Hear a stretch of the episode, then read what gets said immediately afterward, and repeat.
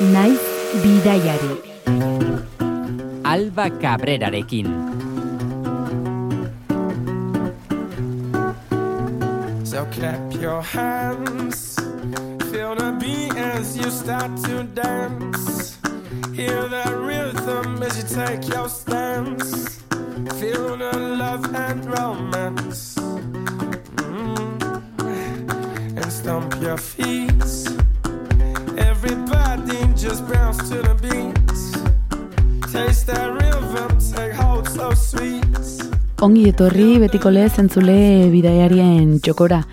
Zeharkatu genuen, orain bi aste, beste hilabete oso bat, eta esan beharra daukat nahiko oparo joan zitzaigula azaroa. Baina aurreratzen dizuet, abenduko menua laburra bada ere, ez dela motz gelituko, eta horregatik ezer baino lehen kioskora joko dugu hilabete honetako bidaiari aldizkariak zer dakarren ikusteko. Maite bidarte, zer moduz? Kaixo alba, ba, agitzongi. Zerekin egingo du topo? Zein bidaia proposatuko diguzu? Ba, hilabete honetan Mexiko ezagutzeko proposamena egiten du bidaiari aldizkariak, baina utzi alde batera burura etorri zaizkizu Mexikoko Karibeko irudi horiek edo baita Teotihuacaneko piramideak. Bertzelako paraje batzutara, gumbidatzen gaitu bidaiari aldizkariak hilabete honetan, Tara Umara, herri indigenari buruzko erreportajea idetzi baitu Nuria López Torresek hilabete honetan. Tara Umara mendilerroa geografia gogorra duagitz eta bertan bizi dira Tara Umarrak Mexikoko etnia indigena jendetsuenetako bat da eta mendebaldeko Sierra Madreko lehen biztanleak dira beraiek. Rara murien, alarraten dute beraien buruari eta horrek erran nahi du hankarin. Gero, esplikatuko dizuete zergatik. Irurogeita iru mila kilometro karratu inguru hartzen ditu taraumara bizi diren lurraldea eta hoietako hauniz triangulo dorado deritzon ere muan daude Durango eta Sonorako estatuen mugakide den e, Chihuahuako estatuaren zatian hain zuzen ere. Chihuahua irian ere batzu bizi dira bertan, binon gehienak ekril irian mm, bizitzen dira. Isolatutako arrantxo xumetan bizi dira edo etxe bizitza gisa ere egokitu diren arrizko kobazuloetan bizi dira. Eta Mexiko zoan bezala, bertan ere jaiek garrantzi handia dute, e, jairik esanguratsuenak e, zaindari edo patroi santuei eskaintzen zaizkie, baina kontuan eduki ere alba, ba, zinezte prehispanikoak ere badituzte launitz, eta katolikoekin uztartzen dituzte festa gehienak. Horregatik gomendatzen da, bidaia, aste santuan edo Guadalupeko ama pirgina bezalako kristau eguneko jaiekin bat egitea ba, oso ikusgarriak direlako data horiek. Lehenago esan dizuet hanka harin, bueno, kontua da e, taraumarrak e, fama handia daukatela korrika egiten. Eta Googleen jartzen baduzu izen hau agertuko zaizkizue e, argazki haunitz, ba, beraien bertako arropekin nola egiten duten lasterka. E, diote batez ere luzerako distantzia handiak korritzeko ba, oso abilak direla. Mexiko alde batera utzi eta erreportaje kurioso bat ere badakar e, abenduko bidaiari aldizkariak e, Taiwanera joko dugu, Sanzineko badiara, bertan larogei garren amarkadan eraiki ziren e, torkizunekoa komen ziren etxe, etxe bizitza batzuk. Ameriketako estatu batuetako tropen buruzagie eskaini zizkieten, baina hauek ez ez errantzuten etxera bueltatu nahi zutela, eta erabat abandonatuta geratu ziren e, eraikuntza guzti horiek. Esan dute torkizunekoak zirela, Claro, iruro garren amarkadan diseinatu ziren, laro garren amarkadan e, eraiki, baina sekula ez, etzen bertan inor e, ez bizitu. Nik ez dakite zein etorkizun imaginatzen zuten garai horretan, baina e, identifikatu gabeko objektu egalari baten forma dute etxe bizitzak ovni, oe, euskeraz ovnien e, itxura daukate. E, bueno, eraikin horiek jatorrian txalet txiki gisa diseinatu ziren eta guztira honeta hogeita sei etxe bizitza egin ziren, baina luxuzko urbanizazioa etzen inoiz eh, amaitu. Eta hor sartzen daia alba fantasia eta zurrumurruak. Erraten baita, soldadu holandarren hierri baten gainean eraiki zela resortau, eta hortik etorri zela zori txarra zori gaitza, baina egia dena da, ba, inbertitzaia diruri gabe geratu zirela. Eta gaur egun bisitatu daiteke auzoa, ba bai, eta gainera oso kuriosoa da bisita. Ba, pixkat delako bisita bat etorkizun apokaliptiko batera, ez? Etxe bizitzak oso etorkizunekoak direlako, baino erabat abandonatua daude. Orduan hor uztartzen dira, ba, bi panorama agiz ezberdin. Entzun duzue, menu gozoa beraz. Eskerrik asko maite eta datorren hilabetera arte. Hori da, datorren hilabetera arte. Aio, eskerrik asko. Entzun duzue, menu gozoa beraz. Eskerrik asko maite eta datorren hilabetera arte. Naiz bidaiari. Alba Cabrerarekin.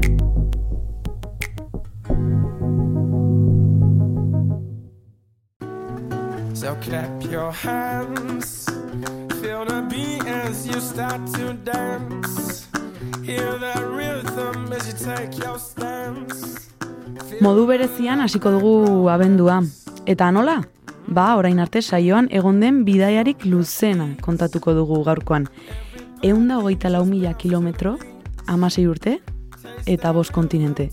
Eta guztia, bizikleta gainean pedalei eragiten. Jada honezkero, geografian aditua eta aritua den abenturako protagonista daukagu gurekin, aitorre giniz, zer moduz, Oso ondo, orengo oso ondo. bizikletan etorri zara, gure estudiora? Ez, ez, ebila izun eta ja biziketa bodegan utziet. Deskantxuan dago beraz. Bai, bai, bueno, biziketa tani. Horrela entzuten duzunean, ez? Titular hori burura etortzen zaizunean, amasei urte, bost kontinente, zuri ere ez zaizu izugarrizko bidaia iruditzen. Bai, a ber, kanpotik behatuta izugarrizko bidaia ematen du, baino behin barrundik egin dezunean, azkenean izan da, e, egunero zerbait egitea, ezta? Eta pixkanaka pixkanaka luzatzen eta luzatzen junda eta behin atzera begiratzen dezu eta bidai oso hori ikusten dezu ezta baino nik nik egia esan da ez diot inongo garrantzirik ematen Pena, gaurkoan ez, e, gure saioa labur geldituko litzatekeela, amasei urte ondo baino beto labur biltzeko, beraz, lagin txiki bat ekarriko dugu. Gurera, zure bidaiaren hasieran kokatzeko, 2006 garren urtera egin behar dugu atzera salto denboran ez, eta hain justu andoainen kokatu behar gara. Aspalitik barruan zenuen bidaiatzeko grin horri, arrorri jaten ematea erabaki zenuen, eta konta eguzu, ideia bururatu zitzaizunetik, erabakia gauzatu zenun arte, denbora asko pasa zen. bai bueno bururatu aspalitik neukan buruan bueltak ezta baino pauso hori ematea, ezta? E, lan ustea erabakitzea, e, familia lagunaketan dena atzean atzean usteko erabaki hori ematea edo egitea zaila izan zen, ezta? E, eta guatzen naiz askotan esaten nuela benga, gaur gaur lan egongo naiz eta eta jefeari jefe oso na neukan ordun eta eta esan egingo dio, baino ez ez, gaur ez, e, bilar izan, eta hola ez pasatu nun denbora asko, bai. Nolago goratzen duzu garai horretako aitor? Bueno, azkenean hemengo bizitza, ez da? E, lagunak, bueno, lanean sortzi ordu, e, astelenetik ostialea, e, la- lagunak bizitza sozial nahiko ona e, geneukan, eta gero jaste buru, ba, ba, kirola egiteko Pirineos eta joteko, edo eskiatzea, omendia, edo, edo, edo zerbait egitea. Eta, bai, bizi- bizitza arrunta bat, azken, azken finean. Egin nahi zenuen bidaiak, luzea izan behar zuen, zuk ala esan da, bai edo bai. Bai, aurretik beti juten itzan oporreta, ezta? E, ama bostegun, hilebete, eta oso, oso gutxi izan. Eta aspalitik hori, ba, neukan denboraldi bat hartu eta bidai kontinu bat egitea, ezta? Zer pixatzen zuen zure baitan gehiago? Mundua ezagutu nahi izateko grin horrek, edo zure betiko egunerokoa kolpezetetaren beldurrak? E, galdera, galdera eharra da. Eta, bueno, azken, az, azken finean, bildur gehienan ere ustez zan zetorrena ez nekiela zertzan, orduan bi, bildur, bildur hori ez da, e, e, hemengo, hemengo et- eteteko bildur pixkat banukan, baino zetorrena ez, ez nekien ezer zetorriko zan, nola etorriko zan, eta, e- eta horren mm, beldur ez da, berriaren beldurra. Esperientzia berrien bila, bigorpileko bidelagun batekin joan zinen, bizikleta bat. Ez, bizikleta gainean, pedalei eragiten hasi zinen handoaindik aratago dagoen mundu hori ezagutzen. Aurretik zein harreman zeneukan bizikletarekin? Bueno, ba, nozbenka ibiltzen nintzen, triat, troiak ere korritzen nituen orduan entrenatzea juten nintzen, baino illa obligazioz, da? Eta etxean erritik eta mugitzeko ez nun ibiltzen, beraz, ezan, ezan harreman oso oso estua. Baina gero elkarren oso konfidente handiak egin zineten. Tarteka sentitu alduzu bere gandik dibortziatzeko behar hori edo... ez, ez ergatik nik esaten izkion denetatik eta berak etzian erantzuten, beraz hor hor aserrerik etzegoen. Beraz, etzegoen zu horretan ni hemen sentimendu hori ere, ez? Hori da. Gerra handia eman aldizu, konponketa asko egin behar izan aldizkiozu? Ez, oso gutxi zergatik biziketa oso oso simplia da, suspensiorik ez dauka, e, burnizkoa da. Orduan, konponketak oso os, izan dira gehienetan, eh? Noiz benka eukidetola aberiola haundin bat, baino beti konpontzenko aukera aukidet, et, eta horrean jarraitzeko aukera. Epeluzeko bidaia hori egiteko, zer sartu maletan edo, hobesan da, zer, zer sartu alforjetan? Bai, bueno, a ber, sartu importantena netzako hiru gauz dira, bueno, alforja honak, hori, e, gero, den da bat, tienda de campaña hon bat, gero, hornillo hon bat, eta ura fil, filtratzeko filtro hon bat. Et, eta hortik aurrea, bueno, e, biziketak konpontzeko eta eta rementak eta eta repuesto batzuk, baina hortik hortik aurrea erropa eta guzti hori ba, ba azkenean ez da ez da importante ere. Zure lehenengo jauzia hegazkinean egin zenuen eta ez usteko hasierak iragarri zizun nolabait bidaia berezia izango zela, ez? Zuk bileta erosi eta hogei kilogramorako pasea erosi eta antxe agertu omen zinen aireportuan irurogeita mar kilogramorekin. Zer gertatu zen? Ba hori, ni, ni Feliziano gutxa nintzan, tan naiz dik, eta, eta saldu nintzan hor, denakin, eta, et, et, eta santziaten hogei kilo baino gehioko kilo bakoitzetik, hamar euro pagatu behar nitula. Orduan, kontukatea, e, lareun bosteun euro extra pagatu behar nitu ez da, orduan, e, nire arrebari esan nion, ba, ba nolabait biziketa berriz e, e, itxakartzeko eta transporte batean edo Nepalean bialtzeko.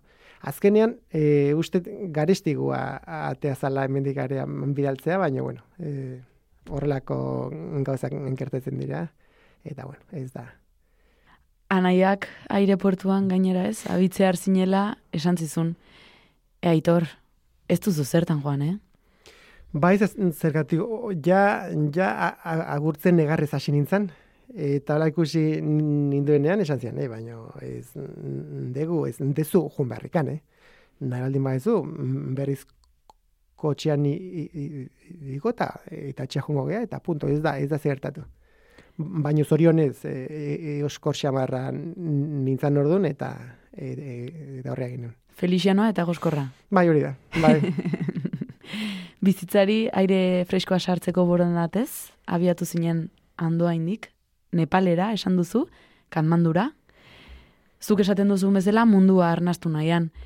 Zergatik abia puntu hori? Bueno, betianik mendia gustoko izan dut eta eta zagutzen nituen dagoneko Pirinosak, Alpeak, Andeak eta bueno, ba, munduko mendikate altuena ezagutzeko gogu aspalditik e, eduki nuen eta eta ideia erra izan zen bidaia antxa antxaztea. Munduko mapa hartuko bagenu aitor eta gora eta bera eta ezkerreskuin zuk zapaldu dituzun parajeak, ibilbideak, herrialdeak gorriz markatuko bagenitu, izugarrizko kuadro gorria agertuko litzateke ez da, guztia marratu eta utziko genuke. Ez pentsa, eh? azkenean her- herrialde askotan egon naiz, baina oraindik herrialde asko geratzen zaizkit eh, zapaltzeko eta eta ezagutzeko, ez da? Nere nere objektiboa ez, ez da inoiz bisadoak kolekzionatzea edo e, bai edo edo herrialde zenbakia e, a- al nuen gehiena ezagutzea azkenean nire bidaian e, nik aukeratzen nuen ruta e, herrialdearen arabera, ezta zer ikusiko nuen arabera. Eta e, eta horrela egin nuen. Amasei urte izan zara bidaiatzen, baina hori ez zen, zuk hasieran buruan zenukan asmo ez? Apurtxo bat luzatu zitzaizun bidaia. Bai hori da, hasiera batean pentsatzen nuen urtebete edo biko bidaia egitea, baina bueno, ja behin hasita, ja urte urtebetetik aurrea ja ja engantzatutan nengoen ja eta eta atzera bueltarik etzen. Orduan pixkanaka pixkanaka gehiago eta gehiago eta gehiago eta azkenean 16 urte pasa dira eta eta eta ja behingoz bukatu egin dut. Bukatutzat ematen duzu. Bai, biziketan bidaiatzean dena bai, e, mugitzen jarraituko dut, baino be- beste era batera, bai. Urtetan sortu duzunez, ari luze horretako lagin txiki bat hartuko dugu gaurkoan. Bueno, bizipen bat aukeratzeko eskatu eta zuk azkar erantzun zenidan. Bertan murgiltzeko gainera objektu bat ekarri duzu ona. Objektu hori, bueno, nahiko txikia da, ez da? Esku aurrean kabitzen da.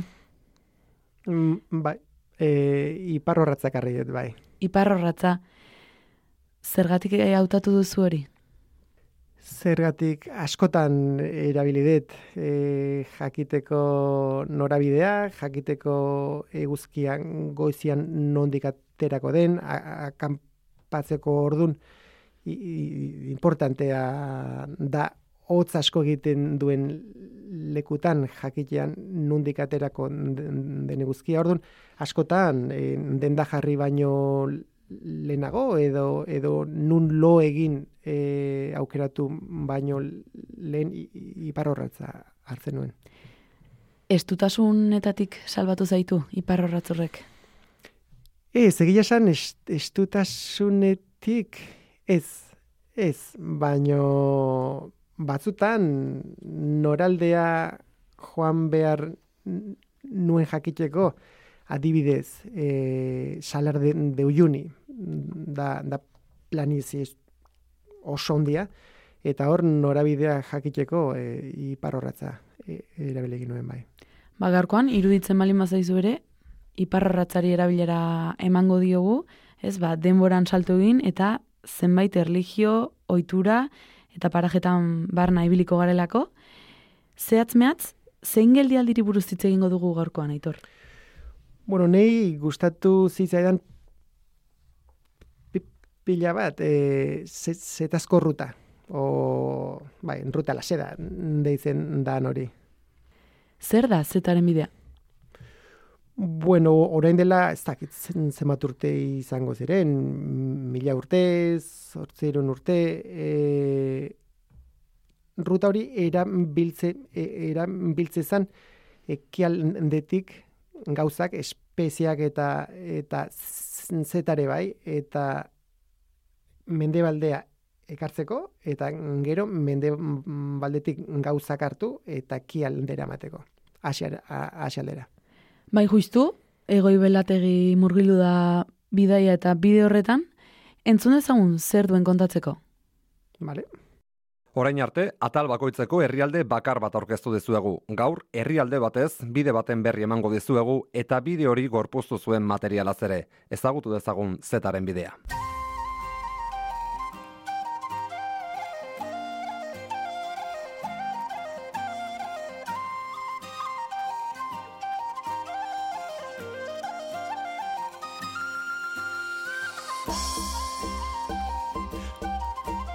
Zetaren bidea deitzen diogu, tel hori izan zelako luzaz bertatik garraiatu zen materialik baliotsuena, baina egokiena sare bateta hitz egitea litzateke ekialdeko Asia eta ekialde hurbila zein ekialdeko Europa batzen zituena, tartean ziren herri gehienei eraginez.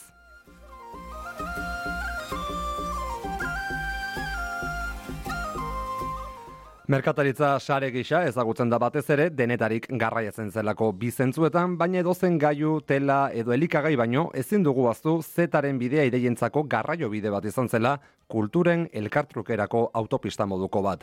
Bertan egin zezaketen topo Txinako imperioak, Asia erdialdeko herri nomadek, Pertsiar eta Indiar estatuek, ekialde ertain eta hurbileko kaliferriek edota Europako erresuma kristauek.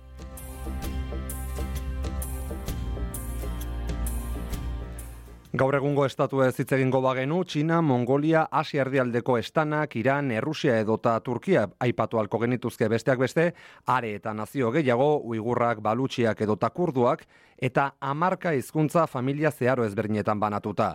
Eta ere horietatik kanpo ere ezaguna zen kasik mundu osoan zetaren bidea, iben batuta amazigaren edota Marco Polo Veneziarraren kronikek erakutsi diguten bezala.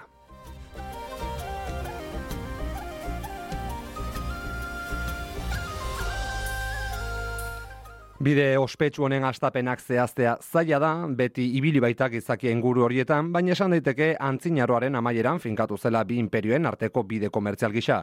Mende askoz, zeta, txinan baino etzelako ekoizten eta tela hori izugarri gustoko zutelako erromatar imperioan. Hala ere, aditu gehienek Mongoliar imperioaren eta honen ondorengoen garaian kokatu dute zetaren bidearen urrezko aroa. Hauek lehen aldiz aginte bakar batenpean jarri zuten txinatik Ungariara arte doan ere muerraldoia eta paradoxikoa badirudi ere Mongoliarren tolerantziak giro ederra eskaini zuen bideo hori elkartrukerako izan zedin eta ez gerrarako.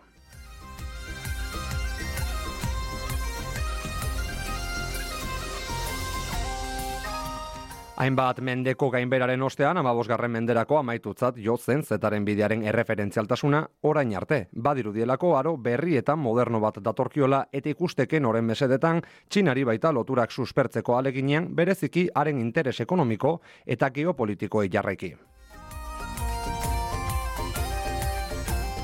Baina Xi Jinpingek zetaren bidera begira jarri baino lehen izan dira azken hamarkadetan milaka kilometroko ibilbide hau egin dutenak tartean noski zenbait euskal herritar ere. Zetaren bidea egin dutenek txinera entzuteko aukera izan dute esaterako. Hai, daia hao, wo jiao Chen Wenyu, ran hou Baina baita Turkiera ere. Merhabalar, ben Ela Kasap, 1986 Kosova Priştine doğumluyum. Eztarri sendua duten horiek Mongoliako eztarriko abestiekin saia daitezke.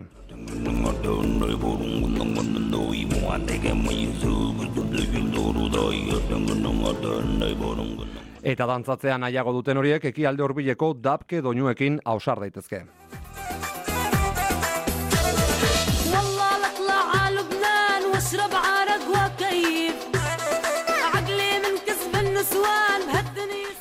Ba, luzaz, zaldiz egin zuten bideiariek ibilbidea, gaur egun ibilgailuz egin daiteke trenez eta pixkat eroak bazaudete zergatik ez bizikletaz ere. Dena eta denak direlako onartuak zetaren bidean.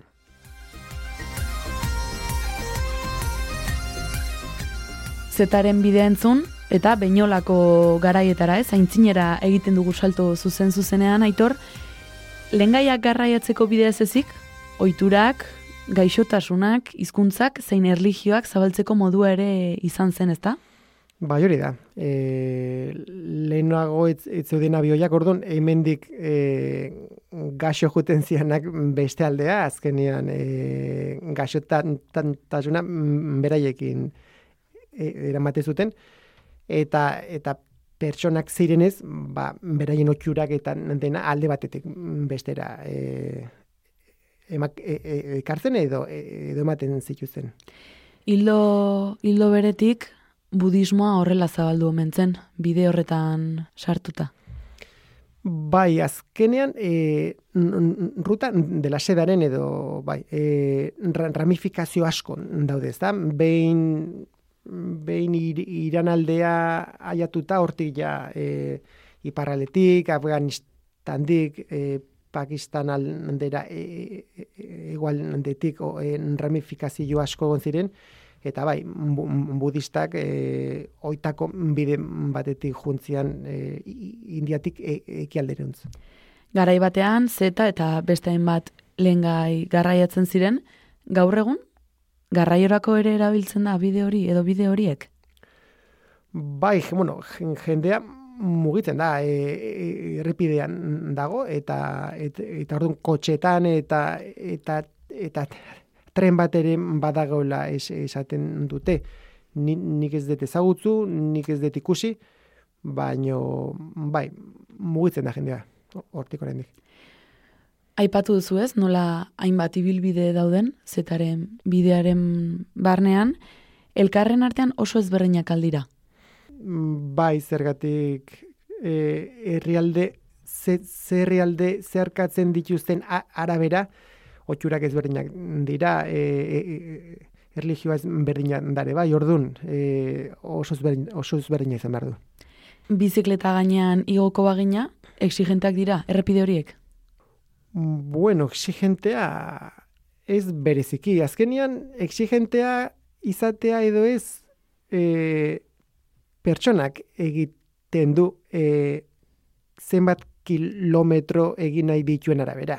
E, lasai hartu ezkeo, ez da oso, oso, oso, oso, exi- oso exigentea.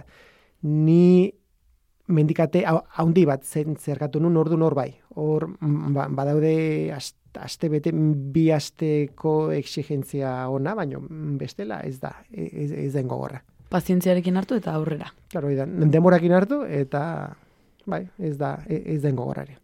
Nun hasi eta nun amaitu zenuen zuk bidea. ber, nik, nik ekialdetik, ekialdetik mende baldera ginun, e, Nepalen hasi, hiriburuan, eta bukatu nun ja Turkia iritsi baino lehenago, bueno, ho- hor ja e, Iranetik beraldea egin nuen, Emiratos Arabes U- U- Unidos, omanta, Yemenea, ja ez da zetazkorruta, M- berez, e, Iranetik mendebaldea ja- jarraitzen du Istanbuleaino. Hori beste batean egin nun Istanbuletik Mongoliara jun jun nintzanean, ordu ni zetazko ruta bi, bi aldiz egin dut. Eta bi bide diferente erabilita. Bidean berdintxua, e, e- erdialdean berdintxua, baino bai, e, bai, e, batez ere le- leku ezberdinak eta e, e, eta ezagutu dut bai. Oitura handia aldago bidaia hori egiteko.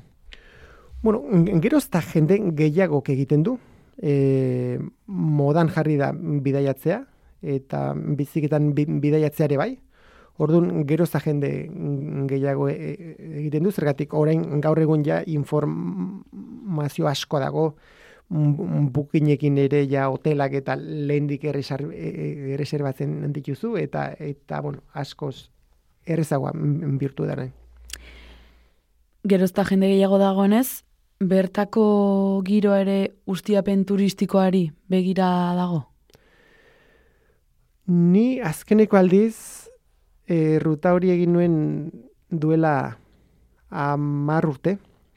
Ordun, ordun oraindik ezan hainbeste je- je- jende ibiltzen, baino egila da e, badaudeola herrialde e, e, herri edo hiri ospetsu batzuk eta eta tan- ta hor bai hor hor atzerritarren zain daude bai.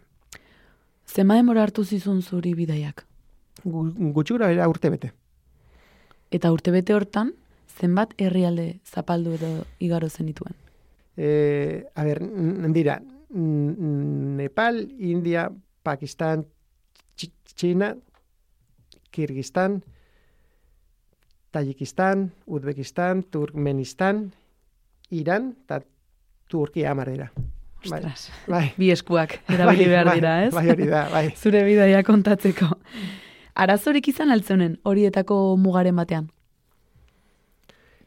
Ez, muga, muga horiek zen zer, zerkatzeko gehienetan bisadoa behar dizu ordun aurreko herrialdeko hiriburutik pasa behar dizu urrengo herriko bisadoa eh, lortzeko. Batzutan segituan lortzen da, beste batzutan aste bete itxun behar dizu, edo bi aste batzutan zen, zentralasiako eh, herrialde hoitan, tan, tan, tan hoitan, Kirgistan, Uzbekistan, eta hoitan, bisadoa lortzeak denbora asko ematen du. Baina azkenian lortu egiten da. Mugezari garela aitor, hizkuntza oztopo izan altzen horietako herrialde batean. Hombre, bai, a ber, oztopoa da e, ezin dezulako jendearekin gu orentxe bertan hitz egiten nahi gian mm, bezala hitz, egin ez da. Baino mugitzeko eta zure bidea egiteko oztopoaz dago. Askoz aberasgarriagoa da hizkuntza hitz egin ahal izatea, baino ez ez badetz egiten ba ba horre egitezu eta eta ja. Ala moduan, ez? Claro, hori da. Zeinuekin edo. Bai, bai, hombre. E, nola pixkanaka mugitzen joaten naizen beti bertako hizkuntzako hitz asko e, ikasten ditut, ba, be- bereiekin komunikatu ahal izateko, ez da, baino hala ere ez da, ez da, ez dut, ez dut hi- hi- hizkuntzik ikasi. Bertako parajei dagokionez, paraje naturalei dagokionez, hamar herrialde aipatu dituzu asko dira, oso ezberdina alda ibilbidea zati batean edo bestean, ez? Herrialde bat zeharkatzen dezunean eta ondoren bestera igarotzen zarenean.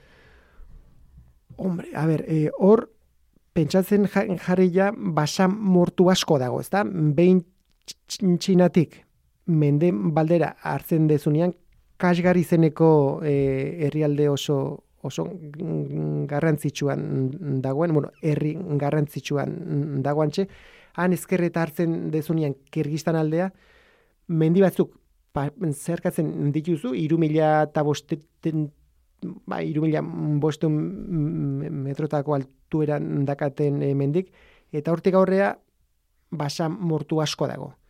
E, orduan, Tajikistanen Pamir mendiak ikusteko aukeran daukazu, baina hortik aurrea ja e, Uzbekistan, Turkmenistan, Iran, e, da basa mortua dena.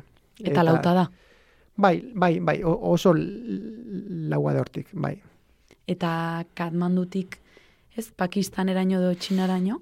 Bai, e, Katmandutik in- Indiara da, da tropikala edo su, su, subtropikala, orduan eguraldia eta paisaia eta zuaitz gehiago ikusten dira. Pakistanen sartzen zenean ere, basa mortu pixka bat dago, baina hortik iparralde hartzen dezunean, karakorun mendikatea zerkatu behar dezu orduan, e, hori oso polita da, menditsua da, eta jendea, eta jendea ezin hobea da.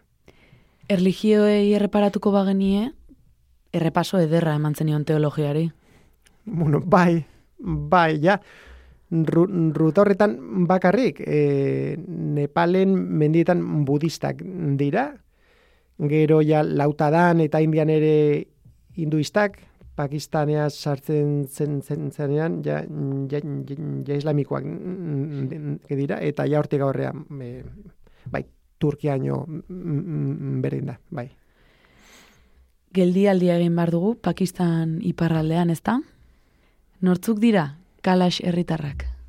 Bai, hiru bailaratan bi, bizidan jendea da, eta Pakistan erdin, bueno, iparraldean dago, baina musulmanen erdin bizidan komunitate bat da, ezta? E, esaten da Alejandro Magno horti pasazanean, e, bai, bere soldaduak eta hor geratu ziala, eta horko jendea, ba, ba, azala txuri-txurian daka, jende askok mm, begi urdinak, eta beste erlijio ezberdin bat dakate, eta otxura oso ezberdinak, eta emakumeak hor, hor adibidez, indar asko dauka komunitatean. Beraik beste erligio baten sinistunak dira, talka handia aldaukate musulmanekin. Ez Pakistan gehiengoa dan musulman horrekin. Bai, kanpotik atzerritarrak jutegeanean ez gea konturatzen, ze talka dagoen, baino beraiek es- esaten dizute mm, presio asko mm, dagoela. Eta berez, be- beraien etni- etnia horren e- egunak kontatuak, zen, zenbatuak daude mendik ez dakit zenbat urtetan desagertu e- egingo diala pentsatzen da. Atzera kontuan bizi dira. Bai, bai, bai. Kalash herria aipatu, baino Txinara ere salto egingo bagenu, Uigur herriarekin egingo genuke topo. Ez omen dute txinera hitz egiten, txinatarrak dira eta musulmanak. Bai, txinatarrak dira politikoki e, mu- muga mugak esaten di, di, dielako txinatarrak direla, baino berez orain dela urte asko tx- txinako partea etzen. E, petroleo asko dago hor gainera, eta txinatarrak tibetekin egin zuten bezala, ba, beraientzat hartu zuten.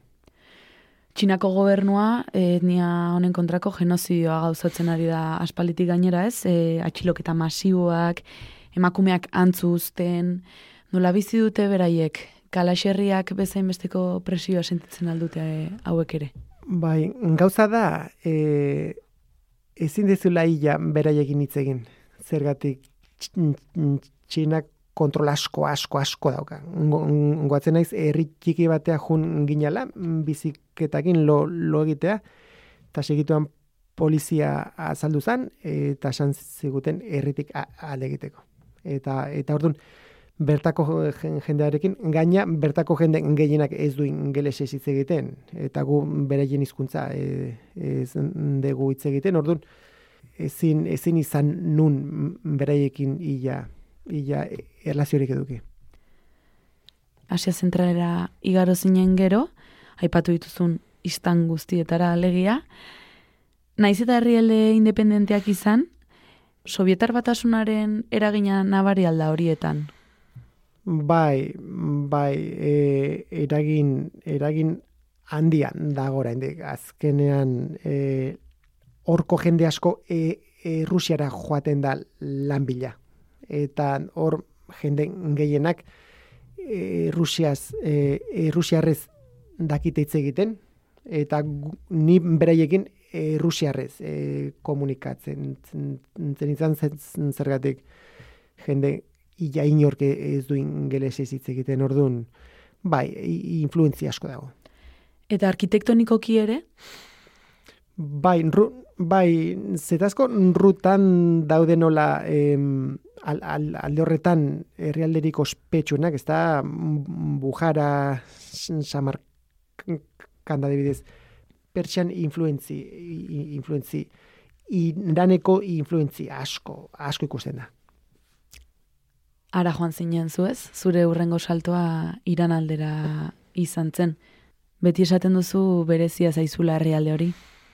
Oso berezia, oso oso berezia, jendea oso ona da, hospitalidadea o- oso ona da, edukazio i- iritan je- jende asko juten da unibertsitateak, gi- gizonak et, eta emakumeak ere. Eta ordun be- beraiekin hitz egitea kultura asko dakate eta beraiekin hitz egitea oso aberasgarria da. Bueno, erlijioa zari garela aitor, entzun dezagun saio honetarako aukeratu duzun abestia.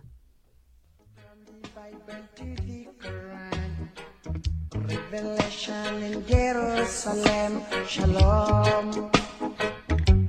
Salam alaikum. You can see Christian Jews and Muslims living together and praying, Amen. Let's and praises. Baruch Ata Adonai. Baruch Abba Yerushalayim.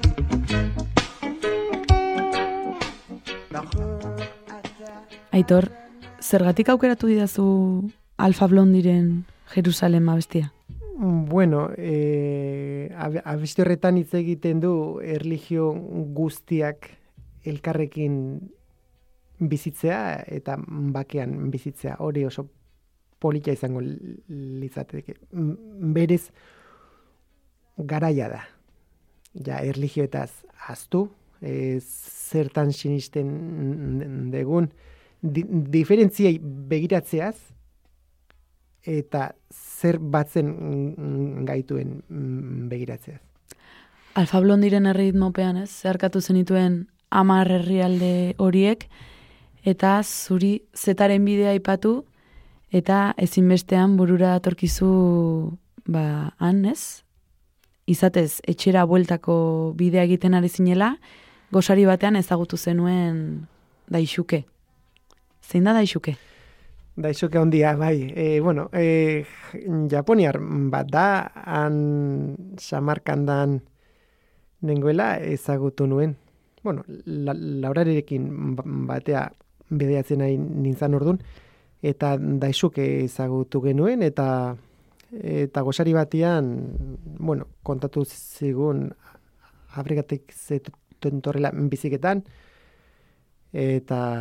Eta zuen planak goitik bera aldatu zituen. O- Hori da. Eta orduan ja mapatea genuen, eta ze posibilitaten gen- geneuzkan eta eta siginan ikusten, eta eta Afrikara jotea ira- erabaki genuen. Horrelakoetan, beraz, improvisagaraketarako, ez? Eta malgutasun hori eukitzea komeni da. Nere ustez, komenigarria baino oso importantea da. Magul, m- malgutasun hori e- edukitzea. Oso importantea. Malgutasun horrekin, ez? Abiatu zinaten beraz, zuek Afrika aldera. Bestelako turismoa egitea albideretzen aldizu bizikletak. Mm, Bai, bai zergatik, bi- biziketan mugitzen ari, ari, zen, ari zeanean, ez da, leku turistikoetatik pasatzen zera, baino denbora gehiena turistikoak eta ezagunak ez diren lekuetatik pasatzen. Zera, azkenean, benetako beraien bizitza ikusteko aukera matezu. Eta hor dago magia, ez? Ne, netzako ho- hortxe dago. Hortxe dago magia bai. Horrek ere ematen dizu independentzia apur bat.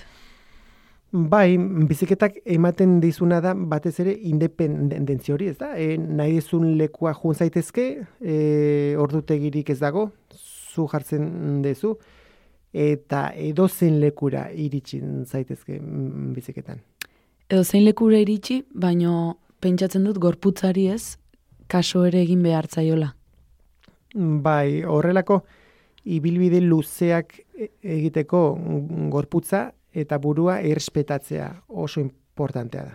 Ordun, e, ne, ne, nekatu egia zaudenean, edo min bat azaltzen danean, edo geratu egiten naiz, eta dena, e, e, eta dena hartu, lasai harrian, egun bat, bi, edo bost, edo amar, eta, eta horre jarraitu. Poltsikoari asko begiratu behar altzaio, horrela bidaiatzen denean. Bai, claro, zen- zergatik e, horrela bideatzen danean e, diru sarrera finkorik ez dago. O- Ordun, e, noizbenka la- lan, lan egin e, diru bat aurreztu dut, eta horrekin ba, ba pasako ditut hilebeteak. Ordun, diruari begiratzen ikasten da. Bakarrik bidaiatu izan duzu ez, amasei urte horietan. Bakarrizketak izaten alditu batek, ez? Nork bere buruari konpainia egiteko. Bai, bai, ni, ni elkarrizketa nire buruakin pila aukitut, pila, eta bizikletakin ere bai, eh? Bizikletarekin ere. Bai, bai, bai, bai, bai. Zure sekretu guztiak ezagutzen ditu. Denak. Bakarda sentitzen alda.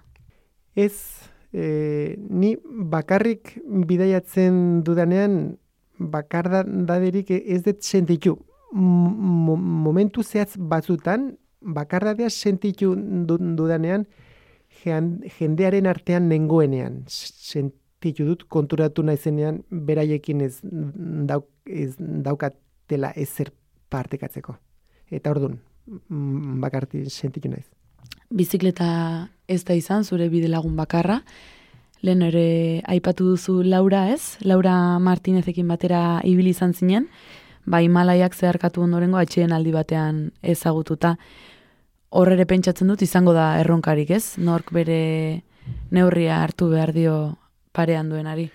Bai, bai, batez ere hasi- hasiera batean bata besteari egokitzeko, ba, ba, bai, esfortzu bat, esfortzu bat egin behar izan genuen, baino erabaki oso, oso izan zen, urten desente e, elkarrekin bideatu genuen, eta, eta bererekin a- asko ikasi nuen. munduan barrena, ez? Herrialdetik herrialdera saltoka dabilen bidaiari batek, non sentitzen du edo non bilatzen du etxeko goxotasun hori? Hainbeste denbora kanpun pasata gero, ja ez dut etxeko goxotasunik sentitu beharrik. Azkenian bertako go- goxotasuna e, sen- sen- sentitzen dut, eta gu- gustoran nago hango goxotasunakin. Gainera ez makina bat aurpegi eta historio ezagutzeko aukera izan duzu. Denbora ematen aldu ara eta ona ibiltzen zarenean, ez? Harremanetan sakontzeko edo erlaziostoak egiteko. Bueno, e, mugitzen aritu naiz, e, illa denbora guztian, baino batzutan e, tokatu zait, e, bueno, norbaiti interesgarria ezagutu, eta bile beten geratzea. Mm, Biziketa albo bate utzi eta bi bilebete, hiru hilabete geratu egin naiz. Eta azken finean, horrelako bidai bat, ez da argazki gateatzea. Azkenean bidaiatzea bizitzea da. Eta, eta bai, e, nahi izan dudanean sakontzeko aukera, aukera eduki dut. Era berean, zama aldaka horrek ez? E, aipatu duzu, ba, bi hilabete, hiru hilabete gelitu izan zarela, baino saltoka etengabean egoteak batzuetan nekea ere ekartzen aldu. Nei ez, azkenian hau egin dut gu- gu- gustuan nagoelako hau egiten. E, ba, batzutan igual ospitale, ospitali dade asko, asko dagoen herrialdetan igual pixkat me, me- mentalki saturatu egin naiz, eta orduan e, astebete edo bi asteko atx- atsedenaldi bat hartu bet leku bakarti batean, zergatik batzutan energi gehiagin behar da. Zein harreman izan duzu euskerarekin amasei urte hauetan kanpon izan zarenean? Ba, egia esan da oso gutxi. Noizbenka euskeraz li, libururen bat irakurri dut. Eta, eta noizbenka oso, oso, oso noizbenka interneten hemengoa albisteak ere euskeraz irakurri ditut. Eta, bueno, familiarekin, ba, ba, baitzegin dudanean, edo me, mezuak bidali, edo horrela beti euskeraz egin dut. Baina, bai, ez dut, ez dut hainbeste harremanik e, eduki. Bidean, Euskaldun askorekin egin alduzu topo. Askorekin ez, baino mendia dagoen leku guzitan Euskaldunen bat aurkitu. Ez da kasualidadea. Hori da, hori da. E, e, e, erremeiurik Euskaldunok ez dokagu. Lehen aldiz joan zinenen aitor, bost urteko bidaia egintzen nuen jarraian, naiz eta zuk buruan urte beterako, ez, parentesi bat zenukan buruan, baina aitortu izan duzunez, ba, hartu zinen gurasoentzat eta baita ingurukoentzat ere, ba, bueno, denbora gehiegi zela. Eta zuretzat? Niretzat ez. Niretzat ez. Baino, bai, konturatu nintzan bost urte hemendik az- azaldu gabe, e, denbora gehien gizala, nire gurasoak nire konpainiakin bi hiru hilabete etortzen naizenean e, disfrutatu egiten dutela usten dut.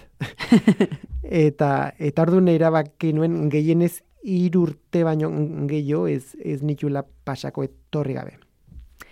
Gauzak ondo da zenan, bai, ez? Baina bat gauzak gaizki jartzen hasten direnean edo gaixotzen denean, batek andoain falta botatzen du. Andoain falta ez, amaren falta bai. e, hortik gaixo eta bakarrik zaudenean gogorra da eta mm, bai, amatxoren bai, e, maitasuna eta ardurak eta eta mm, f- faltan botatzen dira bai. Bidaia honetan, izan duzu, gaixo egoteko tarterik edo... Bai, bai, hiru hi- hiru aldizola e, e, esango nuken gaxo egon naizela horaz se, se, serio xamar, bitan bakarrik, eta bai, gogorra da. Hemen, hemen gaxo zaudenean mm, gogorra egiten da, ba, ban kanpun tabakarrik gogorrago. Are gogorragoa, ez? Bai. Itzuleretan oso ego- egoera aldaketa bortitza izan alda, ez? Berriro apatean une batetik bestera andoainen lur hartzea. Bueno, le, le, lehendaiziko aldiz, bo- bost urte pasata gero, ez nun, ez nun hainbesteineko aldaketarik somatu. Baina adibidez, orain, bai, ga, gaur egun, batez ere, e, mugikorrakin jendeak daukan harremana ik- ikusten du, dudanean, bildurtu egiten naiz. Denboraren joana ere nabarituko zenuen, ez? Zure ingurukoen artean. Claro, bai, claro, bai, bai, bai. Eta bereiek zugan? Ba, eta, ni, ni hemendik hilek iskurrakin aten da nintzen, eta guain hilerin gabenago. Beraz hor horre jendeak nabarituko du. Nolakoak izan dira ez? E, hiru urtetik behin, hasi zinen ona itzultzen, bizpairu hilabete hemen igarotzeko, behin neurri hartuta honi, berriro ere martxa egiten zenuen? Nolakoak ziren egokitzapen prozesuak? Bai, e, gauza da, etortzen naizenean ezin dio dala neurrik hartu honi. Ordun, ordun juten naizenean oso gustoa joaten naiz. Ga- gauza da, nere, nere konforteko zona hori, ez da? E, erosotasuneko zona hori, kanpoan egotea da, e, mugitzen egotea da. Orduan, honea etortzen naizenean, eta inbeste denboran geldik, eta gauz berri gehiegi egin gabe, ba, ba ikusten dut, ez, ez detela oso ondo ematen.